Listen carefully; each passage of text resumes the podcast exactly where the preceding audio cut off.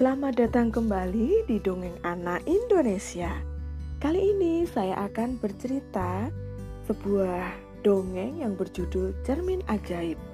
Mari kita dengarkan. Alkisah ada seorang raja bernama Granada yang sedang mencari istri. Ia pun menggelar sebuah sayembara. Barang siapa ingin menjadi istrinya, haruslah melihat ke dalam cermin ajaib yang mampu menunjukkan kebaikan dan keburukannya semasa hidup. Para wanita yang awalnya bersemangat ingin menjadi ratu langsung patah semangat. Mendengar persyaratan tersebut, mereka khawatir dan malu kalau semua orang akan mengetahui kejelekannya. Hanya ada satu wanita yang berani mengajukan diri. Ia adalah seorang penggembala yang datang dari keluarga menengah ke bawah.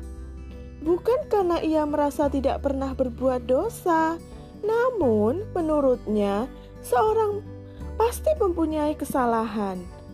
Selama mau memperbaiki diri, semua bisa dimaafkan. Tanpa ragu, ia melihat ke dalam cermin tersebut. Setelah itu, raja mengatakan bahwa cermin itu sebenarnya adalah cermin biasa. Ia hanya ingin menguji kepercayaan diri para wanita yang ada di sana. Pada akhirnya, mereka menikah dan hidup bahagia. Nah, teman-teman, cerita ini sangat singkat sekali, tetapi ada maknanya loh.